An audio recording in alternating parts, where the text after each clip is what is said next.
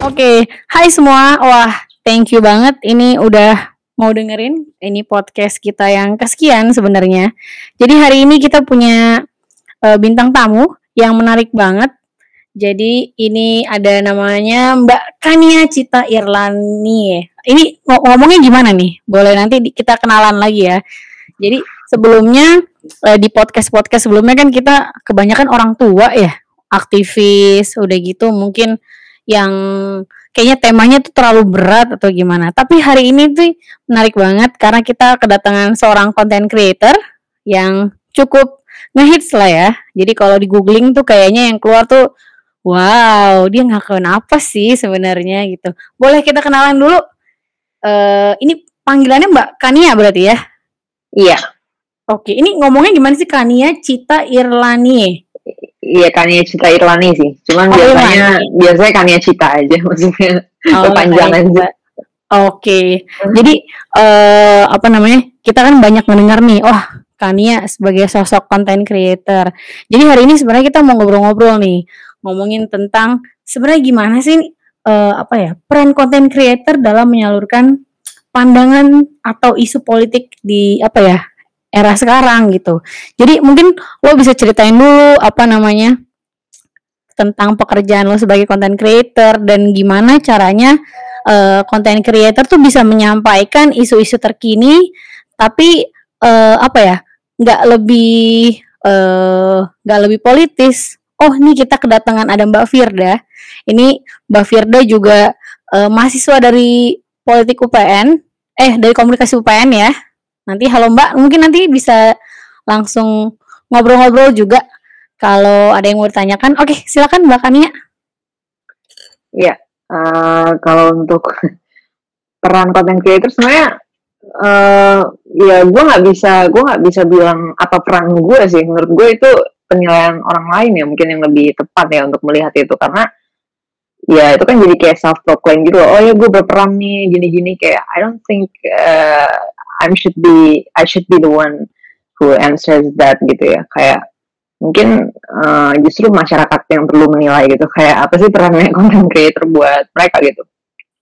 Kalau uh, gue sendiri sebenarnya belakangan udah bergeser sih dari isu-isu politik. Gue lebih banyak ke isu uh, penalaran ya. Karena setelah beberapa tahun gue memproduksi konten-konten politik gue rasa masalah yang sangat besar adalah uh, masyarakat kita nggak punya skill fundamental untuk memproses informasi itu gitu. Dan to be honest ini bukan cuma masyarakat umum ya, tapi juga akademisi gitu pada level mahasiswa, pada level dosen dan lain sebagainya. Uh, gue sering melihat tulisan yang amburadul banget gitu premis-premisnya penawarannya. Jadi kalau misalnya kita bagian yang kayak gitu masih belum beres ya, menurut gue sih uh, percuma sih kita ngomongin pada level kebijakan tuh menurut gue apa ya ya jatuhnya fake conversation lah gitu. Seakan-akan ngobrol tapi sebenarnya nggak ngobrol sih. Nggak ada nyambung-nyambungnya sebenarnya gitu antara satu orang sama yang lain gitu kan.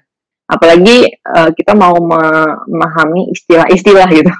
Itu udah udah jauh banget ya misalnya istilah-istilah demokratisasi.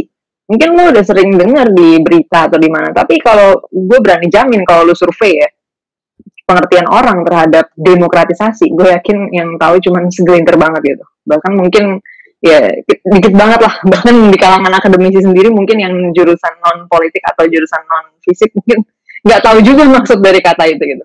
Hmm. jadi setelah gue pikir-pikir lagi ya uh, agak sia-sia gitu gue ngelihatnya kalau gue ngomongin isu politik ya sebelum sebelum skills fundamentalnya itu ada gitu.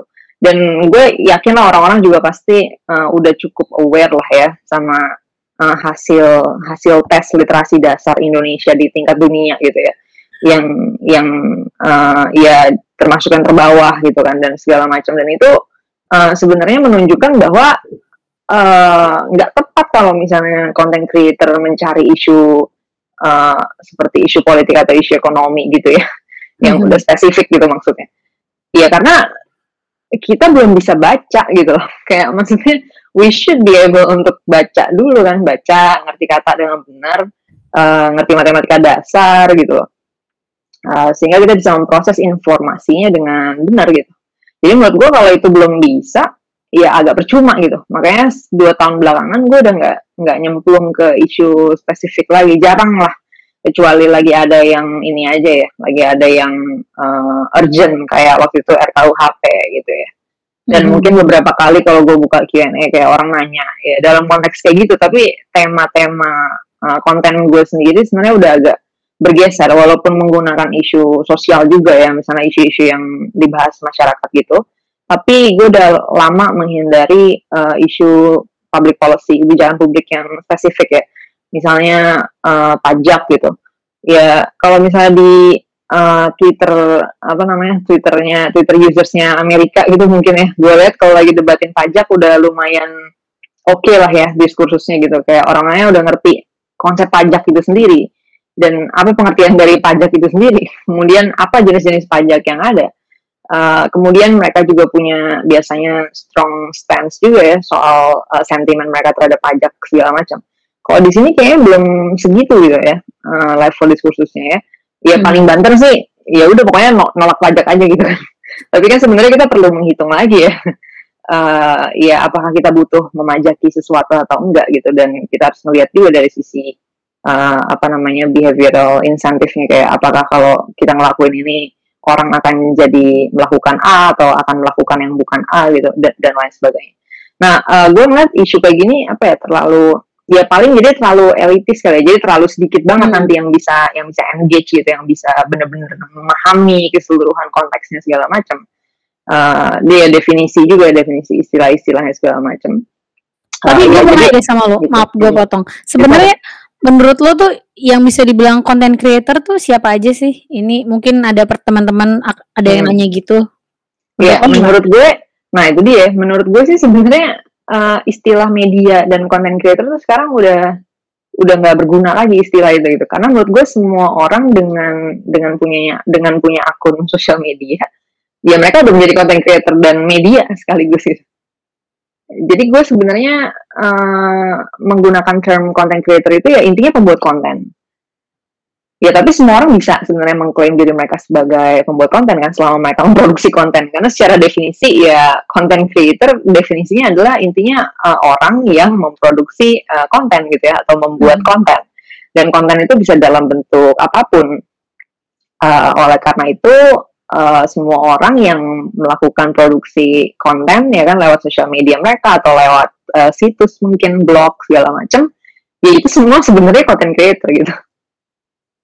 I gitu see. Hmm. Cuman ini mungkin gue mau nyeret obrolannya lebih ke politik sih sekarang karena kan hmm. di ngolah politik memang walaupun nggak menutup kemungkinan ngobrolin non politis gitu ya, cuman kita mau ngomongin hal yang politik karena semua yeah. orang tuh merasakan gitu kan. Kita sebagai hmm. warga tuh ngerasain satu keputusan tersebut gitu. Mungkin ada yang menarik sih. Orang banyak yang bilang waktu pilpres misalnya ada buzzer-buzzer gitu. Nah ini menurut pandangan lo tentang buzzer tuh gimana sih? Coba gimana kan?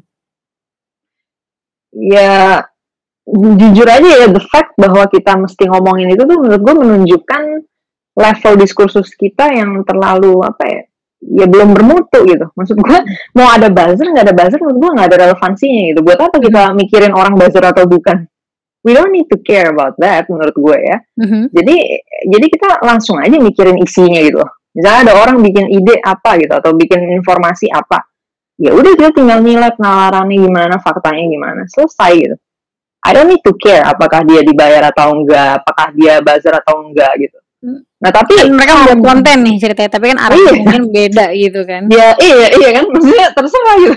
Dia mau dia mau beda arah sama gue atau apa, ya terserah dia. Dan begitu juga dengan uh, ranah fakta ya bahkan ya, walaupun gue termasuk yang setuju-setuju aja kalau ada regulasi yang membatasi ya, misalnya membatasi hoax atau membatasi informasi bohong.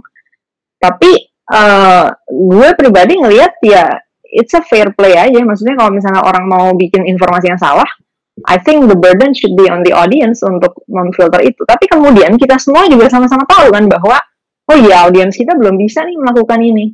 Jadi menurut gue yang bikin kita marah tentang itu, bikin orang-orang mungkin bukan gue nggak termasuk kali ya, yang bikin banyak orang, iya yang bikin banyak orang uh, marah atau kesel tentang itu, menurut gue uh, justru lebih uh, karena apa yang udah gue omongin dari awal tadi gitu karena kita belum berkapasitas untuk memproses informasi dengan benar gitu.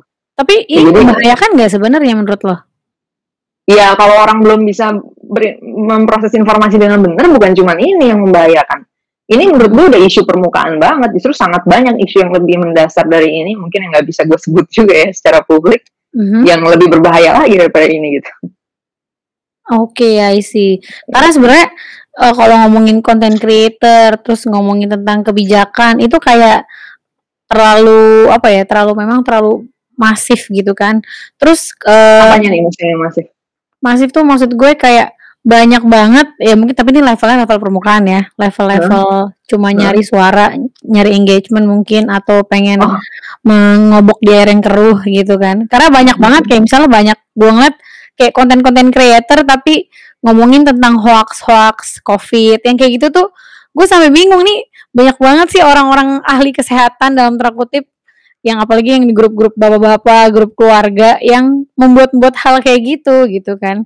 Jadi hmm. kadang menurut gue sih cukup meresahkan, tapi ya bener juga kata lo ya kalau literasi masyarakatnya levelnya masih begitu ya, ya mau gimana lagi gitu kan.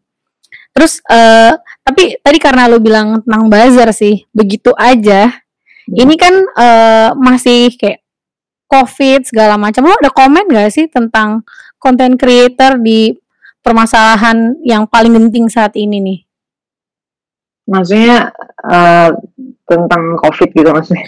Atau ya maksudnya sebenarnya lebih ke arah content creator terkait dengan hmm. isu-isu hmm. yang terkini gitu. Salah satunya COVID. Yang baik yang bener atau salah, lo pendapat lo gimana? Karena kan ya gue pengen nanya dari sudut pandang lo sebagai content creator sebenarnya kayak gitu sih simple. Iya. Um, gue sih so far nggak ada komen sih. Menurut gue ya orang mau bikin konten ya silakan aja ya. Uh, lagi-lagi menurut gue mempermasalahkan konten orang atau ya film atau sinetron atau apa pun itu yang ada itu kayak apa ya nggak nggak produktif aja sih sekarang setelah gue pikir-pikir lagi tuh.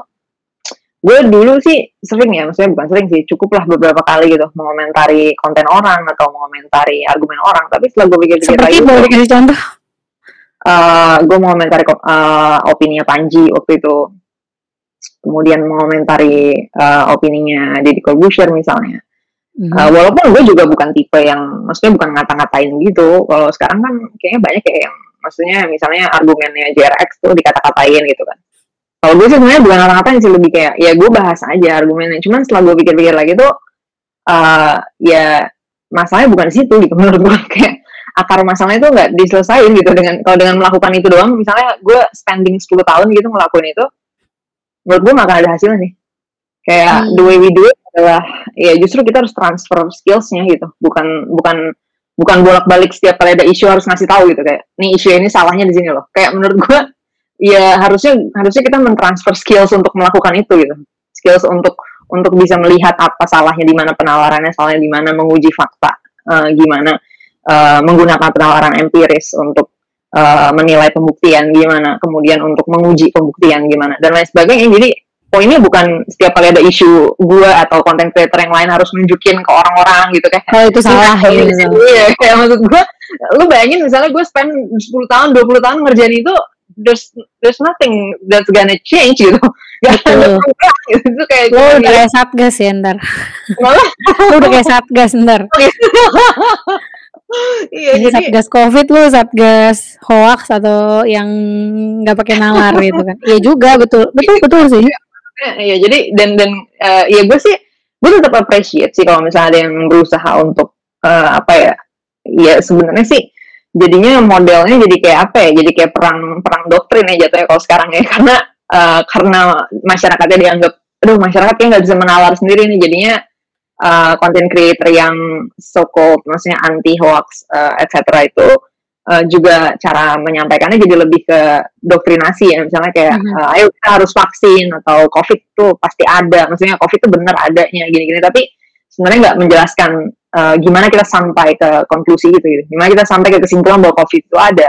Uh, bagaimana menguji keberadaan covid misalnya. Mm -hmm. bagaimana menguji uh, tesis bahwa covid itu konspirasinya uh, perusahaan farmasi misalnya uh, dan lain sebagainya. Karena ya udah karena udah nih udah nggak sempet nih orang nggak bisa nih. Ya udah jadinya fokus orang-orang adalah uh, mendoktrin gitu kan. Maksudnya ya udah kita ngasih tahu aja bahwa lo harus gini harus gini harus gini harus gini harus gini.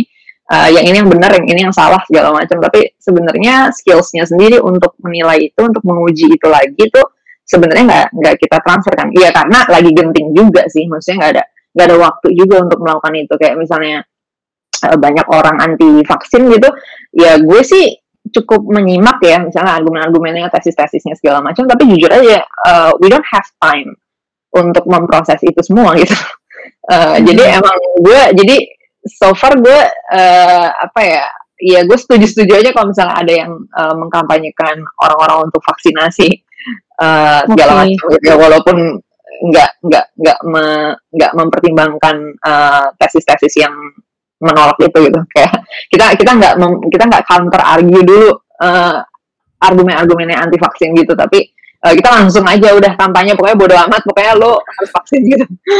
Dan walaupun itu sebenarnya secara uh, ya secara saintifik menurut gue nggak bagus ya nggak ideal. Tapi mm-hmm. kita lagi lagi genting gitu. Jadi menurut gue ya udahlah uh, itu adalah uh, the best option yang ada. Uh, dan ya gue sih nggak termasuk yang melakukan itu banget ya Uh, tapi kalau misalnya dia melakukan itu sih, ya gue nggak mempermasalahkan banget juga sih gitu. Tapi atau misalnya lo oke okay lah kalau secara publik nggak terlalu capek ya, nggak terlalu care lah ya gitu. Tapi kalau dari ring-ring lo gimana? Maksudnya kayak ring keluarga, maksudnya kayak misalnya ada konten-konten yang sebenarnya nih hoax atau nggak pas. Lo tuh sebenarnya berusaha meluruskan argumen mereka atau enggak sih ini gue nanya kalau uh, di eh. keluarga di lingkaran pertemanan lo yang sangat private ring satu. Iya kalau iya kalau itu sih iya pasti iya ya. Uh, tapi gue juga harus fair bahwa sometimes ada tesis yang itu sebenarnya gue nggak bisa bilang itu hoax juga ya. Karena ya kita juga nggak tahu sih gitu kan. Ya misalnya termasuk tesis-tesis tentang uh, konspirasi perusahaan farmasi lah oh, atau yeah. yang bikin virusnya segala macam ya gue juga nggak tahu sih. So uh, the the point yang biasanya kita apa ya fokuskan tuh lebih kayak uh, how is this relevant terhadap uh, decision making yang harus kita buat sekarang gitu. Kayak detik ini we have to make a decision misalnya untuk pakai masker atau enggak. Sesimpel itu atau misalnya harus uh, keluar rumah atau enggak. Uh, keputusan-keputusan simpel kayak gini yang harus dibuat every hour ya kan? Ya setiap jam ada aja keputusan kayak ginian dan hmm. kita nggak punya waktu untuk nunggu uh, evidence-nya gimana gitu. Apakah Cina berkonspirasi atau enggak? Apakah Israel berkonspirasi atau enggak? Kayak I don't think that's relevant gitu kan. Di saat ketika uh, urgensinya udah jelas ada. At least virusnya udah jelas ada gitu. Okay. nah jadi kalau di antara ya kalau di antara uh, circle gue atau keluarga gue um, ya satu sebenarnya penting juga sih. Secara umum uh, orang-orang yang ada di sekitar gue ya udah cenderung rasional dan saintifik jadi hampir nggak ada sih isu kayak gituan di sekitar gue. Ya. Uh, cuman uh, beberapa kali aja ada yang misalnya waktu itu bukan hoax sih. Nggak tahu sih itu hoax atau enggak tapi waktu itu pernah disebarin kayak uh, udah dibuka sentra vaksin di GBK atau apa gitu. Terus tiba-tiba ternyata enggak gitu. Nggak ada. Lalu, oh. kayak gitu ya kayak gitu gitu itu sempat ada beredar ya di grup keluarga gue gitu Nah terus gue uh, cari gitu kan di akun resminya pemerintah. Ya terus gue kasih tahu uh, ini nggak ada nih di di apa namanya Kementerian Kesehatan. Pokoknya akun-akunnya pemerintah yang harusnya mempublikasikan kayak gituan eh, nggak uh, ada gitu. Gue nyari kan. Jadi mungkin belum terverifikasi nih informasinya gitu. Nah paling kayak gitu dan dan itu sih udah cukup gitu karena ya lagi-lagi uh, tradisi tradisi berpikir rasional dan saintifiknya tuh udah solid gitu. Oke, tapi lu pernah nggak sih uh, ngomentarin misalnya teman-teman lo atau yang di ring keluarga yang buat konten-konten apa ya? Uh, bukan nggak bermanfaat ya, tapi agak-agak melenceng atau di ring lo nggak ada itu hmm. dari dulu ya ini ngomongin dari dulu sampai sekarang siapa tahu udah ada yang tobat gitu. Iya, uh, gue sih paling uh, menanyakan aja ya. Sebenarnya menurut gue ada poin-poin yang uh, fair fair aja sih so far ya. Uh, nggak ada kayaknya orang di circle gue yang uh, atau yang gue kenal yang membuat konten itu uh, irresponsible gitu.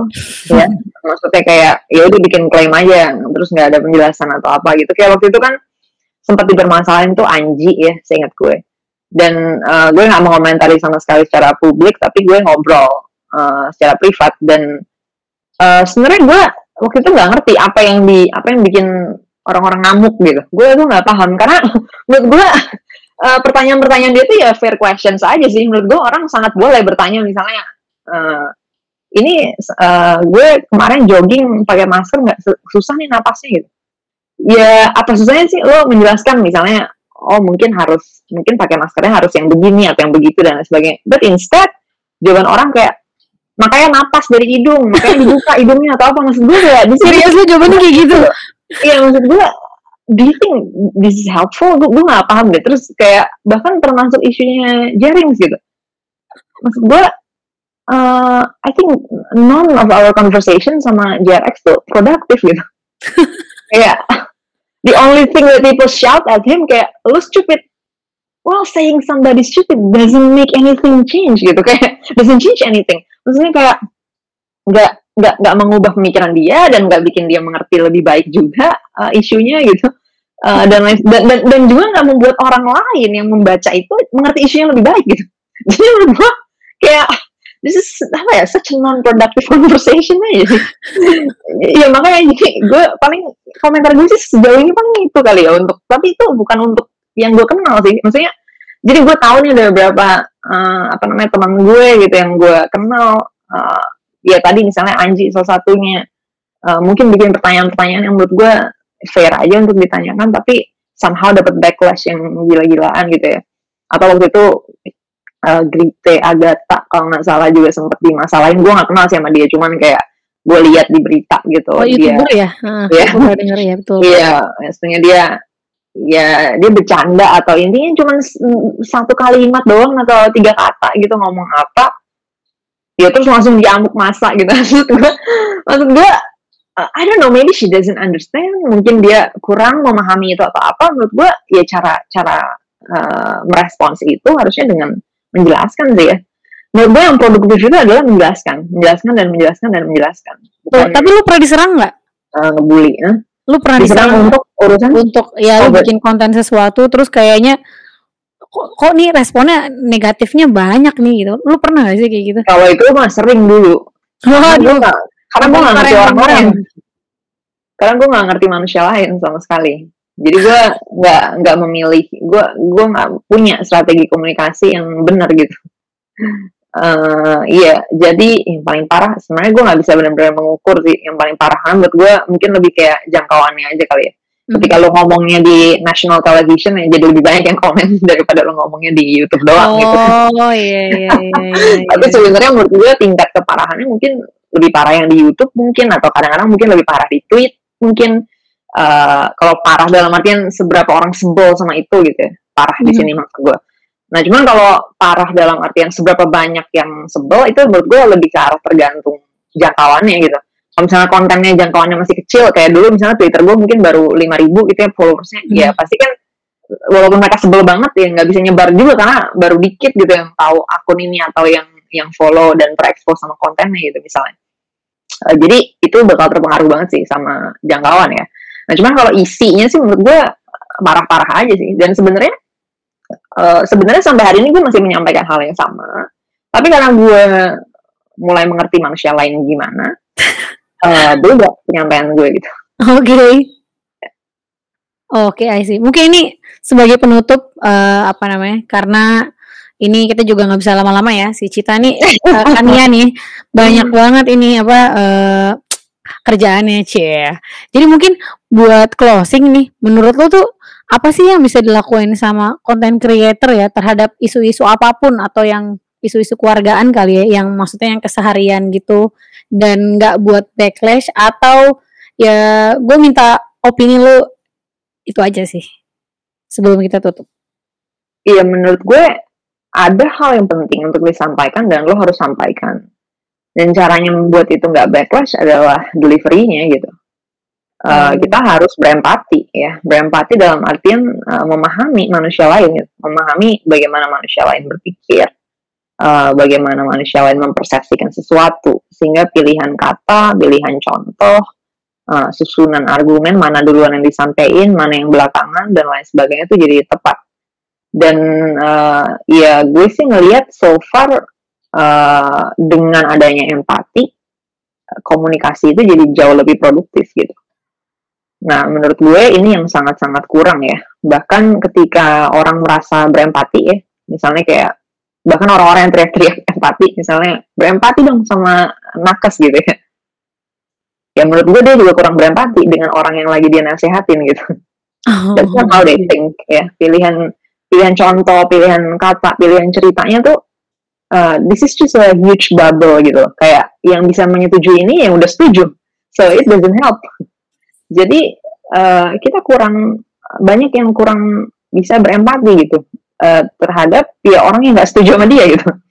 We fail to understand kenapa orang itu nggak setuju atau kenapa orang itu lebih percaya yang ini daripada yang ini. Uh, dan kemudian kita nggak menggunakan insights itu untuk membuat komunikasi kita jadi efektif.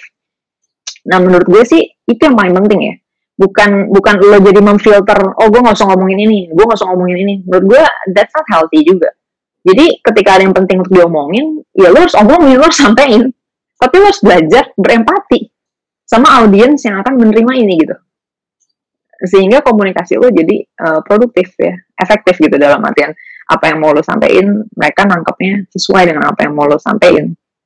Nah itu uh, itu sih menurut gue uh, kuncinya ya untuk membuat ya semua komunikasi kita di ruang publik ini jadi produktif. Nah, sih sebenarnya lu bijak sih. Karena banyak hal yang sebenarnya gue nggak pernah kepikiran gitu. Mungkin karena uh, belum berpengalaman juga jadi content creator. Apalagi banyak mahasiswa yang mungkin baru merintis gitu ya jadi content creator kecil-kecilan.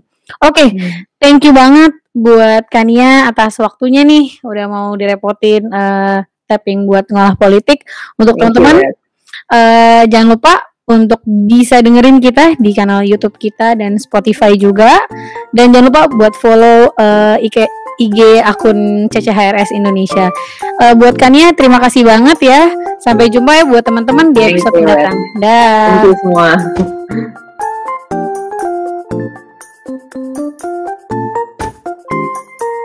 you.